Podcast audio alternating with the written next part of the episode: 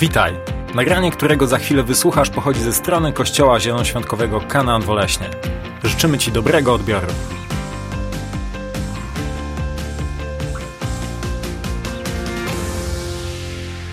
Moi drodzy, jesteśmy w takiej serii kazań, która została zatytułowana Kontrkultura. kontrkultura.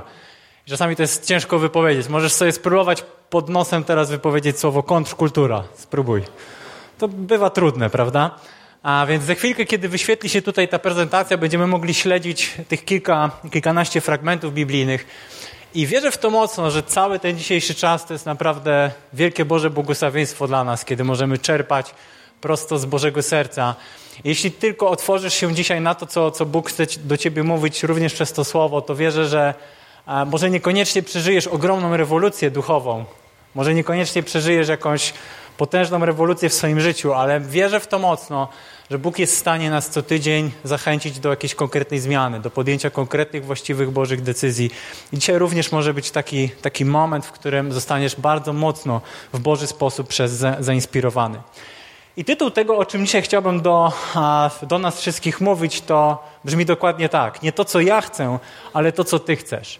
I to jest ciekawe, ponieważ to są słowa, które wypowiedział Chrystus w ogrodzie Getsemane. Te słowa możesz znaleźć m.in. w Ewangelii Mateusza w 26 rozdziale. I generalnie wrócimy jeszcze do tego fragmentu. To była naprawdę trudna chwila w życiu Jezusa Chrystusa, kiedy musiał przeżyć pewną modlitwę, pewne spotkanie ze swoim Ojcem niebieskim, zanim został ukrzyżowany. To jest absolutnie niezwykła chwila i nie chciałbym te, temu poświęcać zbyt mało czasu. Przejdziemy do tego na sam koniec.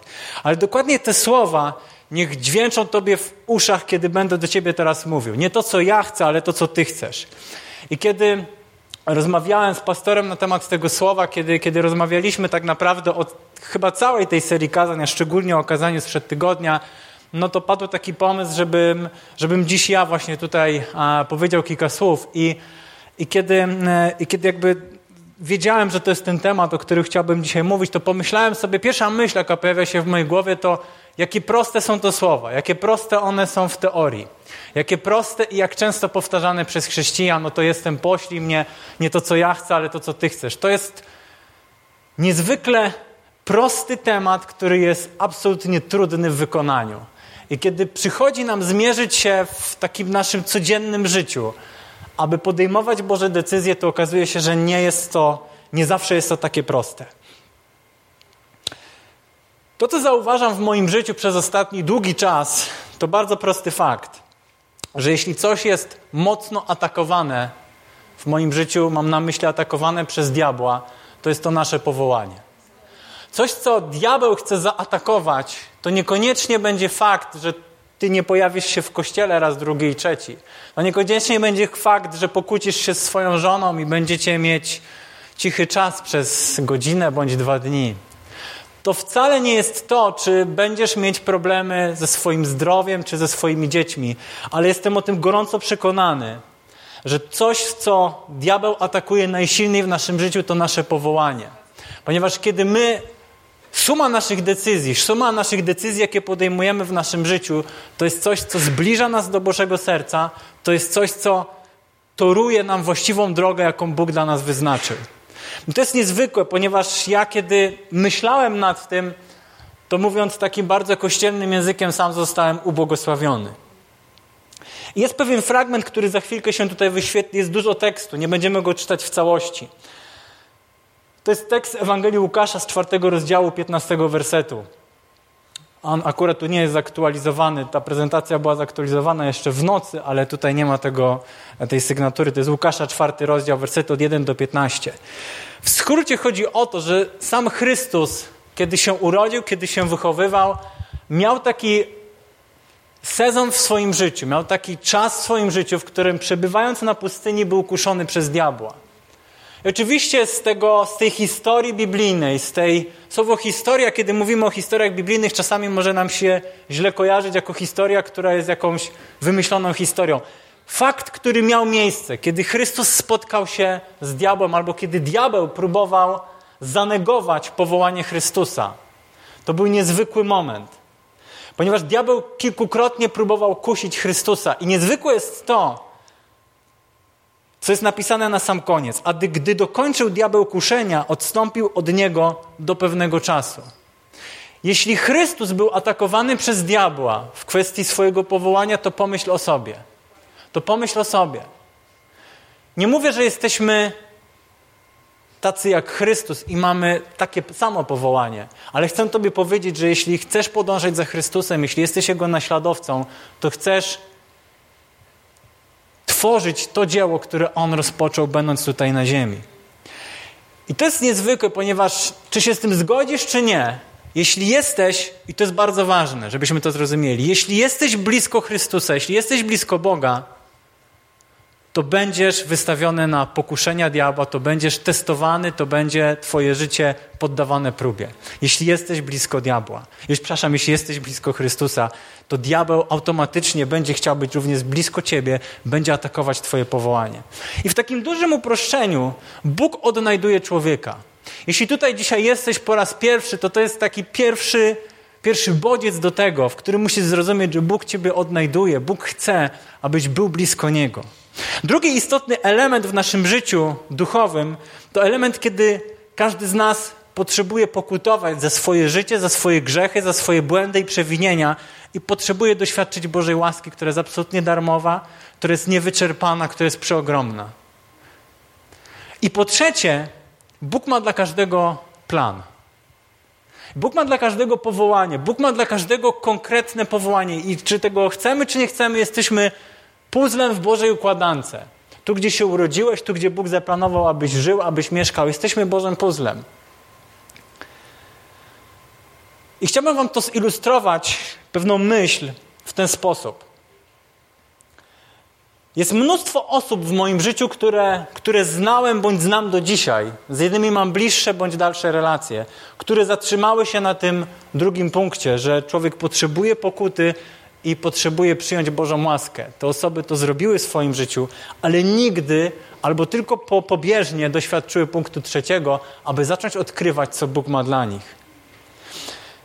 I chcę Tobie powiedzieć, że gdybym miał Tobie pokazać, gdzie ja jestem teraz, a gdzie osoby, które doświadczyły gdzieś w okolicach 2003-2005 podobnych przeżyć jak ja, to łączy nas ogromna przepaść. Nie mówię o przepaści materialnej, nie mówię o przepaści tego, co posiadamy, ale mówię o ogromnej przepaści w znaczeniu duchowym. I nie chciałbym się tu w tym momencie wywyższać, ale taka jest prawda, że jeśli zatrzymujesz się na drugim etapie, jeśli zatrzymujesz się na tym, że Boża miłość, zatrzymujesz się na tym, co, co Bóg dla ciebie ma, to niestety, ale wiele tracisz. I myślę, że spora część chrześcijan potrzebuje się obudzić, aby zrozumieć taki prosty fakt, że regularne chodzenie do kościoła to nie spełnianie Bożej woli to, i to nie jest życie według Bożej decyzji. Twoja regularna służba to nie jest coś, co jest wyłącznie Twoim powołaniem. Niektórzy zatrzymują się i stoją w tym miejscu zbyt długo. Brak im konkretnych Bożych decyzji. I mam co do tego ogromne wątpliwości. Chciałbym Ciebie dzisiaj zachęcić. Jeśli, jeśli Duch Święty jest w tym miejscu, a wierzę, że jest, to wierzę, że On będzie Ciebie zachęcał, aby podejmować jakieś, jakieś kroki dalej. I coś, co jest najczęściej atakowane w moim życiu, to wiem, że to jest coś, czego Bóg chce ode mnie, to jest, to jest Jego powołanie, to jest to, co On, a nie to, co ja chcę w moim życiu. I oczywiście, że kiedy jestem w sytuacji, kiedy to jest atakowane przez różne, przez różne wiecie, okoliczności, przez różne systemy myślowe, jakie, jakie diabeł próbuje zaimplementować do mojego mózgu, przez przeróżne programowanie tego, jak ja myślę o sobie, jak ja myślę o tym, co się dzieje wokół mnie. Nie wiem, czy zdajesz sobie z tego sprawę, ale często nasza dusza, nasze emocje jest jak ogromne pole bitwy, jest jak ogromny plac bitewny, w którym, toczą, w którym toczy się wojna. Przeróżne sytuacje życiowe. I czasami dochodzę do miejsca, w którym wiem, że nic nie wiem, ale to nie jest Boża filozofia. Ale to nie jest Boża filozofia na moje życie. To nie jest Boża filozofia. I przechodząc do meritum sprawy, suma naszych decyzji, suma decyzji, jakie podejmujemy w swoim życiu, a mówi się o tym, że gdzieś często około 170 decyzji człowiek podejmuje dziennie. Oczywiście są to drobne decyzje, ale suma naszych decyzji rzutuje na Boży plan. Czy jest coś ważniejszego w Twoim życiu niż to, co Bóg chciałby przez Ciebie uczynić? Suma Twoich decyzji Czy je podejmiesz w mądry Boży sposób? Czy podejdziesz lekceważąco do Boga? Czy zlekceważysz to, co Bóg chce, aby w, aby w Twoim życiu się wydarzyło? Suma Twoich decyzji, suma moich i Twoich decyzji. Czy jest coś ważniejszego? Czy jest coś ważniejszego? Wiecie, te decyzje, które my podejmujemy, one dotyczą absolutnie całego przekroju w naszym życiu. To są kwestie finansowe, to jak się zadłużamy czy nie zadłużamy, to gdzie pracujemy, to gdzie mieszkamy, to kto jest tą tak zwaną naszą drugą połówką. To są decyzje, które podejmując mogą rzutować w bardzo krótkim czasie na nasze życie, kiedy, ponieważ kiedy ja teraz podjąłbym decyzję, nie wiem, przyjęcia jakiejś substancji, która miałaby mnie odurzyć, to ona by miała jakieś konsekwencje na najbliższy czas, godzinę, może dwie. Ale jeśli podjąłbym trudną decyzję finansową, zadłużając się na wielkie pieniądze, to to jest decyzja, której konsekwencje ponoszę ja, a być może nawet dzieci. Kiedy podejmujesz decyzję odnośnie małżeństwa, odnośnie tego, z kim zaczynasz wchodzić w różnego rodzaju relacje, to wchodzisz na, wchodzisz na, na, pewną, na pewną płaszczyznę i potrzebujesz tej płaszczyźnie Bożej mądrości. Czy to jest coś, co jest dla ciebie, czy nie. Szczególnie, wiecie, ja jakby mam tą wielką radość w swoim życiu, że obserwuję życie młodych ludzi i próbuję ich zrozumieć, co nie, co nie jest wcale proste. To są ludzie, którzy są bombardowani tym, aby podjąć jak najwięcej radykalnych decyzji w swoim życiu. To na młodych ludziach a jakby kładzie się na ich barki, aby w wieku 17-19 lat podjęli decyzję odnośnie swojego zawodu, odnośnie studiów i to ma kształtować później ich życie. To jest szalenie trudne. Od 8 lat jestem związany z, zawodowo z tym, że ludzie, którzy zaciągają e, kredyty na, na zakup mieszkania, na budowę domu, często mnie odwiedzają i, i, i zastanawiamy się, rozmawiamy, który kredyt w jakiej formie byłby najlepszy. I wiecie, jest mnóstwo takich, yy, takich historii, które mógłbym wam opowiadać z tym związanych, ale jedna z nich wydarzyła się dokładnie w czwartek.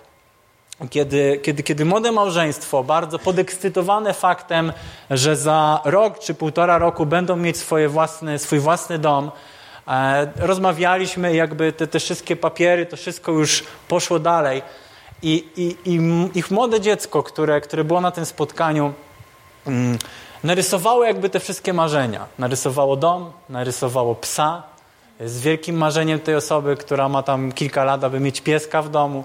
Narysowało jakiś ogródek, narysowało jakieś kwiaty, narysowało jakiegoś grilla i tak dalej. Wiecie, sielankowy obraz e, polskich przedmieść, tak to nazwijmy. Woleśnie moglibyśmy to zawęzić do powiedzmy rejonu Walców, czy, czy gdzieś tam, gdzie, gdzie mamy jakieś domki jednorodzinne. Więc sielankowy obraz. I ta, ta, ta, ta, ta dziewczynka, to dziecko postanowiło, aby to, te dokumenty, które rodzice podpisywali, to ona też chciała podpisać, oczywiście nie mogła, ale użyje jej słowa jako amulet, chciała wrzucić ten swój obrazek, aby te marzenia się spełniły. Ja mam na co dzień całe mnóstwo jakby do czynienia z historiami pod tytułem, że ktoś decyduje podjąć się istotną decyzję, która będzie rzutować na prawdopodobnie całe jego życie zawodowe. Ponieważ przez całe życie zawodowe ktoś będzie się zmagał z tym, aby to marzenie, które zostało zrealizowane w dość krótkim czasie, systematycznie spłacać. A więc ludzie podejmują całą masę przeróżnych decyzji i przywilejem, jeśli jesteś w tym miejscu, jeśli zrozumiałeś, kim Bóg może być dla ciebie i jeśli oprócz tego, że pokutowałeś i przyjąłeś Bożą łaskę, chcesz wejść w to, co Bóg ma dla ciebie, chcesz, aby to jego powołanie, bo nie ma nic ważniejszego w naszym życiu, realizowało się w Twoim życiu. Jeśli chcesz być tym Bożym puzzlem w całej układance, w tym pięknym Bożym obrazie, który On namalował dla całego świata, za który zdecydował się umrzeć śmiercią krzyżową, to chcę Ciebie zachęcić do tego, abyś dzisiaj wyciągnął z tego słowa być może jakąś jedną cenną myśl, która pomoże Ci podejmować właściwe Boże decyzje. Po pierwsze, kiedy podejmujemy decyzję, powinniśmy zastanowić się, czy jest ona zgodna z Bożym Słowem. Wiecie, potrzebujemy na co dzień czytać Biblię. I są takie powiedzonka w stylu: Pokaż mi, co jesz, a powiem ci, kim jesteś. Jest też powiedzonko, które mówi: Pokaż mi, co czytasz, a, powiedz, a powiem ci, kim jesteś. Pokaż mi, co czytasz, a powiem ci, kim jesteś. Ja czytam, często czytam Biblię w telefonie. I, I tu jest mój plan czytania Biblii. Dzisiaj mamy 208 dzień według tego mojego planu. Szczerze mówiąc, nie wiem, jaki mamy dzień roku i nie wiem, czy zacząłem równo 1 stycznia, czy nie, więc jeśli ktoś pragnie rzucić we mnie kamieniem, to, to zrobię kilka uników. A, ale to, to, to jest mój plan czytania Biblii, który generalnie jest wypełniony. Który generalnie jest wypełniony. I, I to jest niezwykłe, ponieważ Bóg naprawdę chce do nas mówić. I często wielu chrześcijan bardziej zastanawia się nad tym, co wydarzy się takiego ekscytującego w moim życiu, co będzie niejako wskazówką, co mam zrobić bądź nie. Wiecie, pomyślmy, muszę jechać do pracy, strasznie mi się nie chce. Oj Boże, wskaż mi, abym ja wiedział, czy mam jechać do tej pracy, czy nie. Więc siadasz do samochodu i okazuje się, że on nie działa. A więc odbierasz to, Boże, jak bardzo Ci dziękuję, że dałeś mi tą cenną wskazówkę, abym nie jechał dzisiaj do pracy. Przepraszam za tak trywialną ilustrację, ale czasami tak to może wyglądać. Myślę, że czymś, co jest absolutnym fundamentem, to jest nic innego jak Biblia. Pokaż mi, co czytasz, a powiem ci, kim jesteś. Boże Słowo ma ogromną moc. I powiem wam, że fragment, który mówi o tym, że Boże Słowo jest żywe i skuteczne, ostrzejsze niż wszelki miecz obosieczny, przenikające aż do rozdzielenia duszy i ducha, na ten temat można by wiele mówić. Boże Słowo chce nas przenikać. Bóg chce kształtować w nas to, co On dla nas zaplanował. I to jest absolutnie niezwykłe. Nieco bardziej poetycko ten fragment możemy odnieść do psalmu pierwszego, w którym jest napisane, że szczęśliwy mąż, który nie idzie za radą bezbożnych, ani, stoi, ani nie stoi na drodze grzeszników, ani nie zasiada w gronie szyderców, lecz ma upodobanie w zakonie Pana i zakon Jego rozważa dniem i nocą. Boże Słowo, które możesz rozważać, Boże Słowo, którym możesz nasiąkać, Boże Słowo, które może przemieniać Twoje myślenie, Boże Słowo, które wpłynie na Twoje decyzje. I pozwólcie, że napisałem kilka bardzo takich subiektywnych rzeczy, które ja odbieram, kiedy potrzebuję podjąć decyzję mniejszą lub większą. Boże Słowo poszerza perspektywę, jaką mam na dany problem. Powiedzmy, że ktoś jest chory. Powiedzmy, że ktoś dostał jakąś konkretną diagnozę. Ja mniej więcej wiem, jak można się wtedy czuć. Wtedy czujesz i widzisz tylko chorobę i tą diagnozę. Ale kiedy patrzysz na Boże Słowo, to to poszerza Twoją perspektywę, bo widzisz Boże uzdrowienie, bo widzisz Chrystusa w działaniu, bo widzisz Bożą perspektywę przez Boże Słowo. Boże Słowo to najbardziej bezpieczna forma szukania Bożego głosu.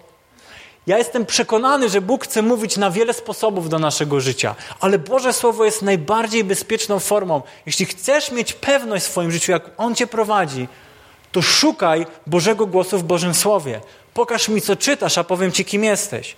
Gdyby ludzie traktowali poważnie Boże Słowo, gdyby, gdybym ja i ty, gdybyśmy traktowali zawsze poważnie Boże Słowo i sięgali do niego tak często, to myślę, że bylibyśmy w stanie uniknąć wiele nieprzyjemnych sytuacji, wiele trudnych, złożonych kwestii.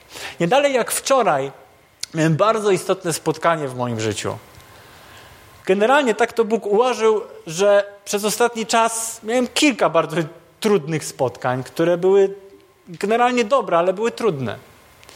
I kiedy wczoraj czytałem Boże Słowo, to to czytałem w Ewangelii Łukasza coś w tym stylu. Odpowiedział winogrodnik, zostaw jeszcze na ten rok, ja je okopię, obłożę nawozem, może wyda owoc w przyszłym roku, a jeśli nie wyda, wytniesz. Kontekst tej sytuacji jest taki, że mowa jest o winogrodniku, który zastanawia się, czy już wykosić coś, co nie przynosi owocu, czy może jeszcze zostawić i obłożyć nawozem.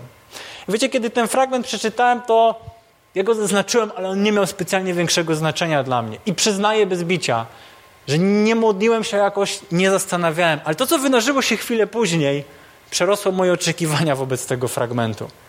I pozwólcie, że nie będę tego tematu rozwijał, ale chcę użyć to jako takiej prostej sytuacji, że Bóg, mówiąc coś do ciebie, chce przygotować cię na pewne sytuacje, chce dać ci mądrość, chce podpowiedzieć tobie, bo On jest wierny, On doskonale wie, jaki plan czytania w Biblii wybrałeś.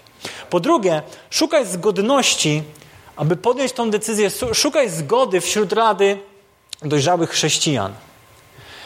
Wiecie, ja generalnie jestem człowiekiem, który silnie obserwuje ludzi. Bardzo, bardzo to lubię. Mógłbyś powiedzieć, że to jest jakieś moje zwichrowanie, ale po prostu obserwuję ludzi. Pewne wnioski, którymi się często nie chwalę od razu, bo mógłbym bardzo często ludzi krzywdząco poosądzać, ale tworzą w mojej głowie pewien obraz i później, kiedy dzieją się pewne sytuacje, Zastanawiam się, na ile w ogóle jestem zaskoczony, a na ile dało się to przewidzieć niczym ruchy na szachownicy. I mówię tutaj o swoim życiu. Kiedy obserwuję nawet swoje życie, to widzę pewne schematy i czasami jesteśmy w stanie przewidzieć pewien, pewien, pewien efekt, pewien owoc czegoś, co się dzieje w moim życiu. Ale to, co zauważyłem, co chciałbym mocno podkreślić, to chrześcijanie często szukają rady wśród chrześcijan, którzy przechodzą podobne problemy. Nie zrozum mnie źle, ale uważam, że to jest często błąd. Jeśli ja miałbym spotkać się z kimś, kto, kogo życie duchowe wygląda podobnie do mojego, kto przeżywał podobny problem X, taki jak ja przeżywam problem X, i nagle próbuję dowiedzieć się czegoś na przykładzie tego jednego człowieka, używając tylko tej jednej historii, próbując zaczepić się rozwiązania w tym jednym człowieku, próbując sobie to wszystko usprawiedliwić, że to też jest osoba wierząca, to myślę, że możemy się tutaj rozjechać i popełnić błąd. Jestem o tym przekonany, że kiedy szukasz rady wśród chrześcijan, szukaj wśród tych, którzy niekoniecznie przeżyli albo są na tym samym etapie jakiegoś problemu, ale szukaj u kogoś, kto trochę więcej przeżył z Bogiem, kto być może jest starszy nawet od ciebie, kto ma większe doświadczenie. I chcę Tobie powiedzieć, że taka rada, ta druga rada, nie zawsze będzie dla nas wygodna. Ona nie zawsze będzie dla nas wygodna. Ale tak jak Boże Słowo poszerza naszą perspektywę, tak Słowo innego człowieka ono również poszerza. Co nie oznacza, że musisz przyjąć to Słowo jako jedyne i właściwe. Możesz się o to modlić, możesz się nad tym zastanawiać. Nikt Tobie tego nie zabrania. Ale przypowieści Salomona mówią tak. Kto kocha pouczenie, ten kocha poznanie. W innym momencie przypowieści Salomona mówią, szyderca nie lubi tego, kto go upomina, stroni on od mędrców. Szukaj mądrych rad, szukaj tych, którzy kochając Ciebie, albo inaczej, szukaj tych, którzy kochając Pana Boga, na pewno nie chcą Ciebie skrzywdzić. Być może nie masz z nim jakiejś głębokiej relacji, być może nie masz jakiegoś wielkiego, nawet może zaufania, ale to spróbuj najpierw coś zbudować, spróbuj przyjąć perspektywę inną na swoje życie. Z własnego doświadczenia wiem, że nasza własna perspektywa, chociażbyśmy określili siebie jako ludzi niezwykle oczytanych, widzących wiele, myślących, że wiedzą tak wiele, często może być myląca. Dobra rada dla dojrzałych, kochających Ciebie chrześcijan poszerzy perspektywę na sytuację, w której jesteś, na decyzję, którą musisz podjąć, ale również na Ciebie. Po trzecie, poszukuj też zgodność, zgodności z przekonaniem w swoim sercu. I tu wchodzimy na bardzo grząski grunt. Nasze serce, jeśli chcesz, aby Twoje wnętrze Tobie coś podpowiadało, ale nie zgodnie z taką, wiecie, maksymą celebrycką słuchaj głosu swojego serca, bo nie ma chyba nic głupszego, co jest w internetach teraz. Nasze serce musi być poddane działaniu Ducha Świętego. Jeśli chcesz podejmować decyzje, jeśli chcesz szukać potwierdzenia, jak to się mówi takim znowu snagiem chrześcijańskim w swoim sercu, to módl się długo, używając daru Ducha Świętego, modląc się na językach. To Książka, którą pastor jakiś czas temu reklamował, Częstotliwość Roberta Morrisa, to jest książka, którą czytałem chyba dwa lata temu. I to jest książka, którą czytając, ona ciebie motywuje i zachęca do tego, aby więcej się modlić i aby nastrajać swój umysł na to, co Bóg chce do ciebie powiedzieć. I wiecie, to nastrajanie jest proste i trudne jednocześnie. Ono jest trudne, ponieważ nasz umysł jest zalewany setkami informacji. I jeśli nie nauczysz się, jeśli nie pozwolisz się wyciszyć przed Bogiem, nie każdy z nas ma komfort, wiecie, spędzenia kilku dni w zupełnej samotności. Jeśli masz ten komfort, to po prostu to, to zrób. Ale jeśli nie masz tego komfortu, to próbuj się wyciszać codziennie na jakąś dłuższą chwilę. Ponieważ Bóg nie jest Bogiem, który będzie się, wiecie, przyciskał. Nie wierzę w takiego Boga, który będzie coś na siłę. Bóg chce, abyśmy byli poddani i nasz umysł, i o tym też mówi Boże Słowo, może być poddane również w taki bardzo praktyczny sposób, że Ty po prostu pozwolisz wyciszyć swoje myślenie. To jest bardzo trudne. To jest bardzo trudne. Dlatego ludzie, którzy mówią, że wolą modlić się o poranku, coś w tym jest. Nasz umysł po nocy, porządkując pewne kwestie, układając nasz, w naszym mózgu, układając te wszystkie rzeczy, szufladkując, jest po prostu bardziej świeży. Nie wiem jak ty, ale ja kiedy zasypiam, często mam taką gonitwę myśli, że podejmowanie wtedy decyzji albo pisanie SMS-ów do kogoś jest jedną z gorszych rzeczy, jaką możesz sobie zrobić samemu. To jest nóż, który niechcący możesz wbić w samego siebie. Nasze serce musi być blisko Bożego serca. Jeśli chcesz słuchać serca, to, to Twoje serce musi być blisko Bożego serca. Zbliżam się do Boga, staram siebie wyciszyć i nastrajam się na właściwą częstotliwość. Wiecie, czytając książki, które będą Ciebie wyciszać, które będą Ciebie prowadzić do relacji z Duchem Świętym, one Tobie pomogą. Muzyka uwielbieniowa, którą niektórzy mogliby nazwać kontemplacyjną, ona Tobie pomoże. Pomoże być może Tobie spacer po lesie. Cokolwiek. Szukaj tego, co pomoże Tobie wyciszyć się.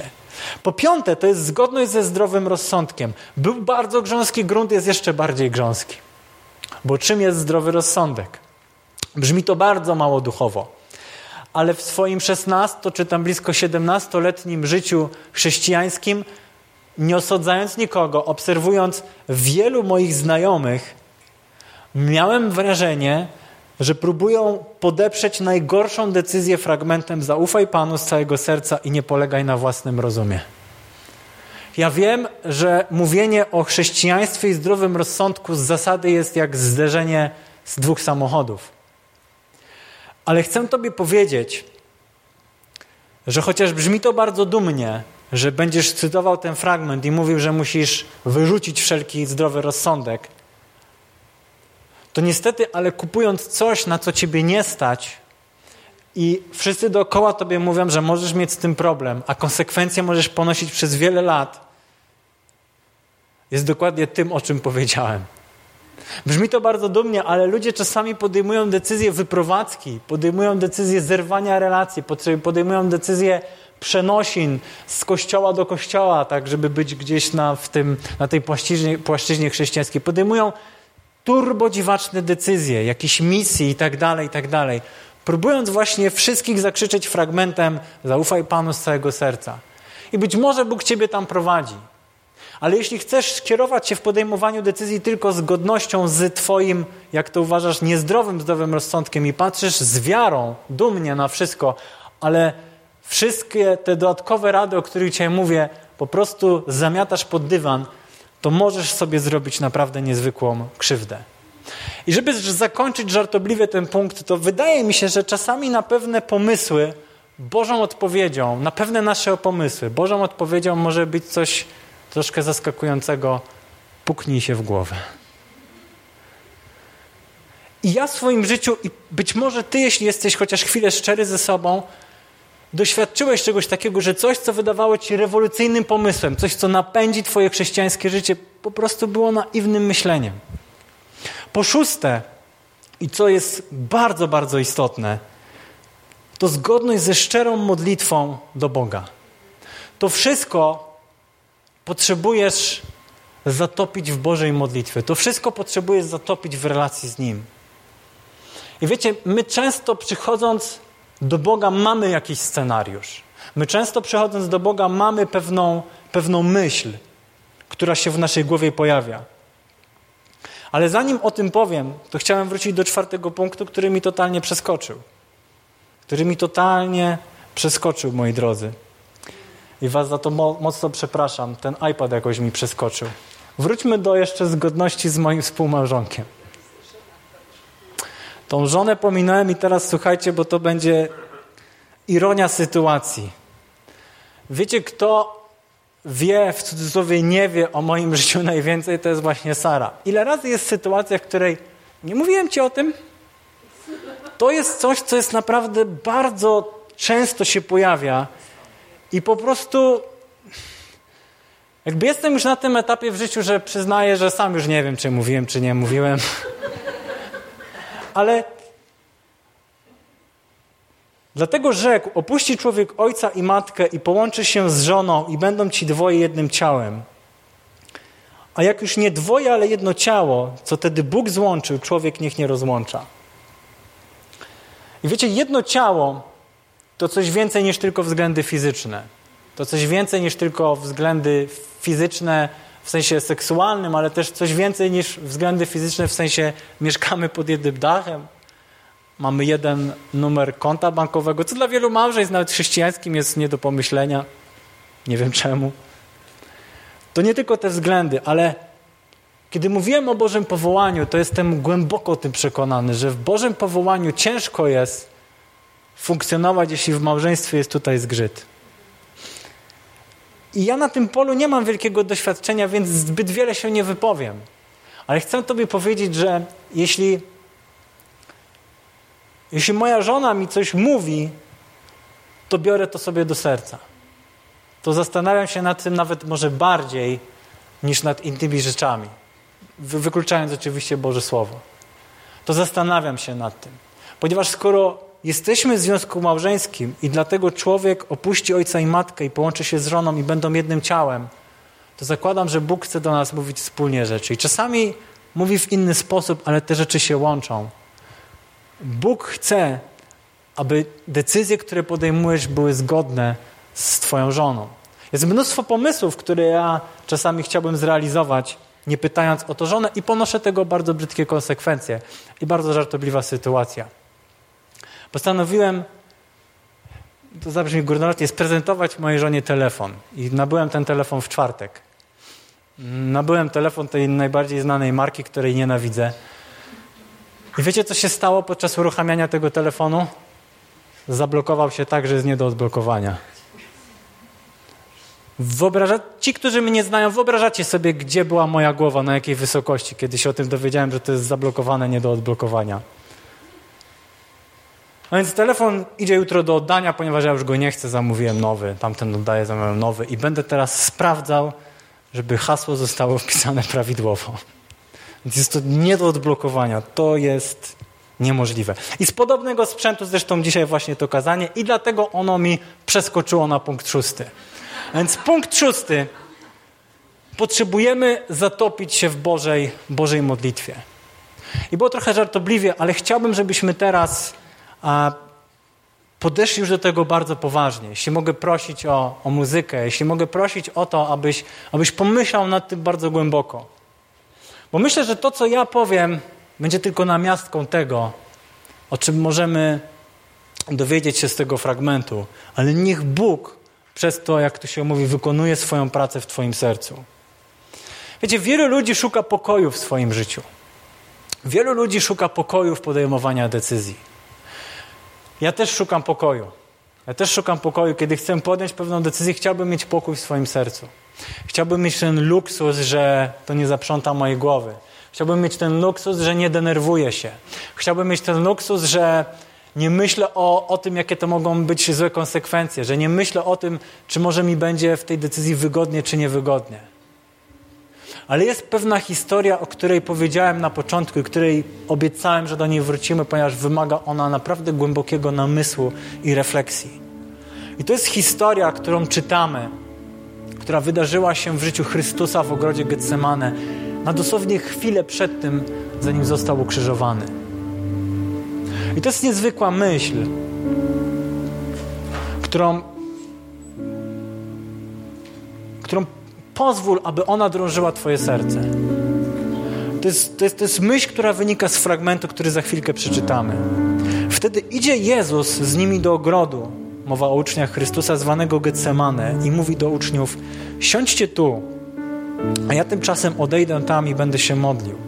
I wziął ze sobą Piotra oraz dwóch synów Zebedeuszowych i począł się smucić i trwożyć.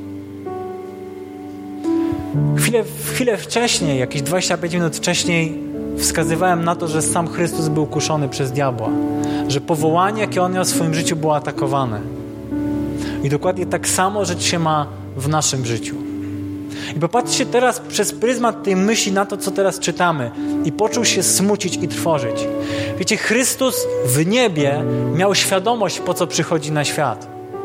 Na ten świat, na ziemię, po której dziś stąpamy. Miał świadomość, że przychodzi po to, aby umrzeć. Wiecie, proroctwa o Chrystusie sprzed kilkuset lat, zanim On został narodzony, czy jesteśmy tak naiwni, że Chrystus ich nie wiedział, co jest napisane w księgach prorockich Starego Testamentu? Chrystus doskonale wiedział.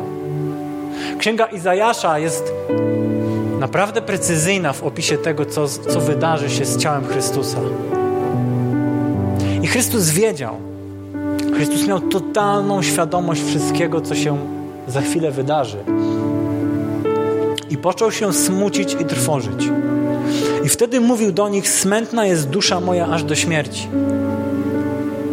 Kiedy podejmujesz Boże decyzje, kiedy chcesz, aby Twoje życie było tak jak On, a nie jak Ty chcesz, to nienaturalne stany emocjonalne, nienaturalne stany fizyczne, one również mogą pojawić się w naszym, w naszym życiu.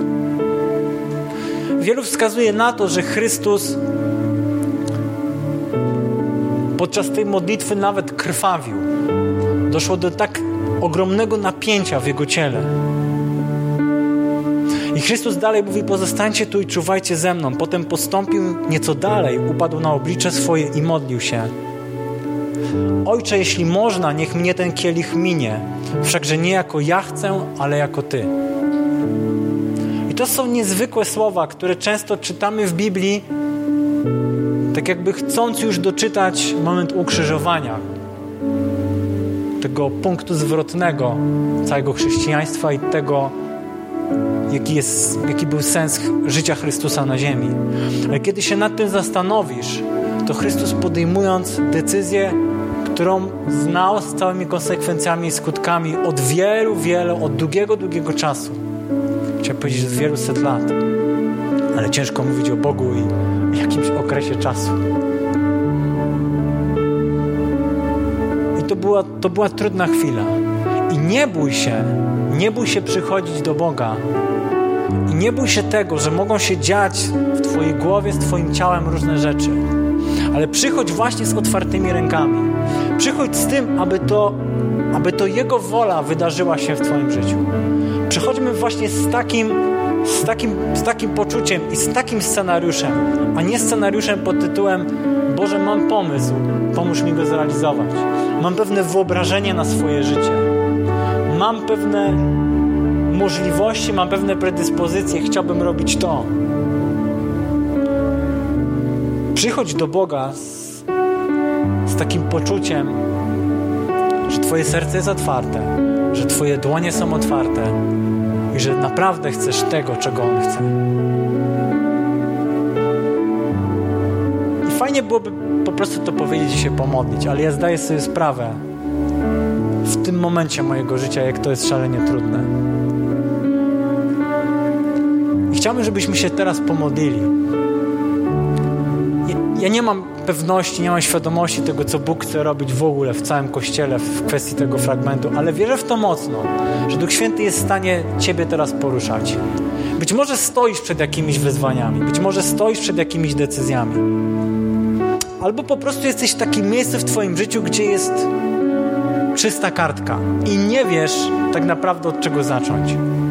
Zacznij od tego, abyś otworzył się na to, co On chce od Ciebie. Otwórz Twoje ręce. Nie forsuj tego, co Ty byś chciał. Nie forsuj tego, co byś chciała. Otwórz swoje ręce.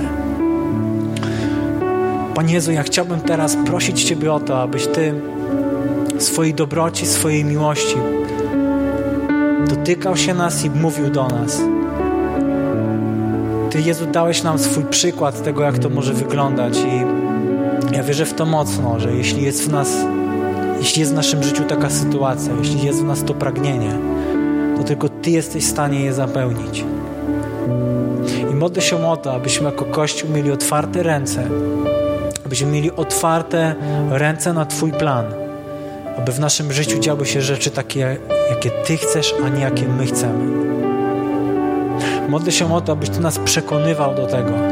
Proszę Ciebie o to, aby nasze życie układało się po Twojej, a nie po mojej myśli.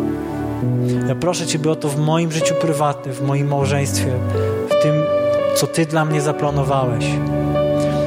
I modlę się o to, abyś mnie ostrzegał przed pochopnymi decyzjami, byś mnie ostrzegał przed pochopnymi stwierdzeniami, przed lekceważeniem tego, co Ty chcesz mówić do mnie, co, co chcą mówić do mnie ludzie, którzy są dalej ode mnie w podróży z Tobą. Chcę przestać lekceważyć to, co Ty masz dla mnie, ale prosić Ciebie o to z otwartymi rękami, abyś to Ty mnie wypełniał, aby to, to co Ty chcesz, działo się w moim życiu. I dziękuję Tobie, Duchu Święty, że Ty działasz teraz w tym miejscu, że Ty nas do tego przekonujesz. że Ty tak bardzo nas kochasz, że Ty chcesz i pragniesz tego, aby Twój plan wypełniał i realizował się przez nasze drobne nawet decyzje. Oddajemy się w Twoje ręce, Ojcze. Wiecie, kiedy, kiedy zacząłem to słowo, to, to mówiłem o tym, że w naszym życiu jest ten pierwszy moment, kiedy to Bóg nas odnajduje. I często jest tak, że Bóg odnajduje człowieka kilka razy. Takich historii powrotów jest mnóstwo. Dzięki Bogu sam Bóg opisał nam to w, w, w przypowieści o synu marnotrawnym. I czasami my się tak czujemy. Może jesteś tu w tym miejscu po raz pierwszy, drugi, setny. To to naprawdę nie ma znaczenia. Ale chciałbym się z Tobą modlić, abyś mógł przyjść do Chrystusa, tego, który tak bardzo Ciebie kocha, tego, który z tak wielką świadomością po tym, co działo się w ogrodzie Getsemane, wybrał śmierć na krzyżu. I to ten krzyż rozbroił wszelkie zniewolenie, wszelki grzech i wszelką nieprawość, jaką, w jakiej możesz tkwić w swoim życiu. Bóg chce, abyśmy korzystając z tego, co Chrystus zrobił dla nas, żyli wolnym życiem. I wydaje się to stosunkowo proste i w gruncie rzeczy takie jest. Chciałbym Ciebie zachęcić do krótkiej modlitwy. Ja poprowadzę, poprowadzę nas w tej modlitwie. I w tej modlitwie nie wydarzy się nic, jak właśnie to, że Ty poddasz swoje życie Chrystusowi.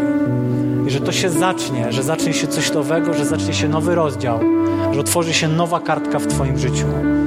Jeśli chciałbyś tej modlitwy, jeśli pragniesz rozpocząć coś nowego z Bogiem, jeśli wiesz, że potrzebujesz Chrystusa, aby, aby zacząć z Nim relację, aby te decyzje, o których mówiłem, były właśnie podejmowane z Nim, to chciałbym Ciebie serdecznie zaprosić do tej modlitwy.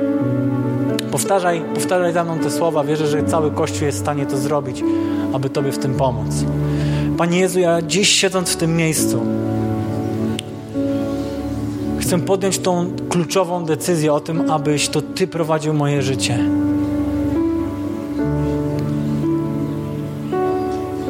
Ja przepraszam Ciebie za to, co było do tej pory w moim życiu.